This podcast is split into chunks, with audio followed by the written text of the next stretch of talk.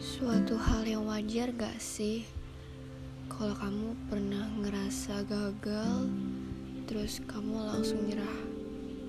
Segitu doang usaha kamu. Kenapa sih Gak mau nyoba dulu? Putus asa.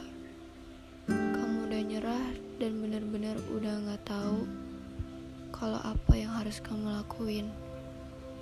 Jangan gitu dong Jangan pernah kamu langsung puas apa yang udah kamu coba. Usaha dulu dong.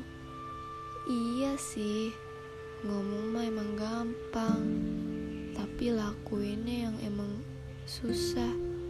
Boro-boro, mana bisa.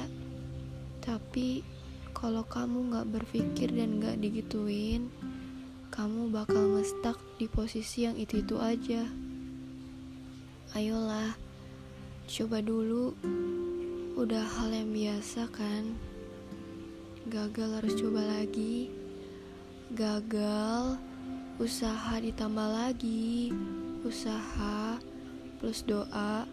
Kalau kamu gagal juga usaha doa dan pasrah sampai kamu dapetin hal itu dan bakal jadi milik kamu. Gagal mah udah biasa aku juga pernah kok ngerasain gagal dalam hal apa pun itu.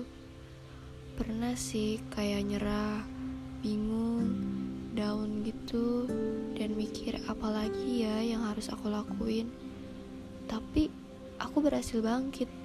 Karena apa? Karena aku selalu ikutin prinsip aku. Dengerin ya. Mencoba itu proses yang gak main-main.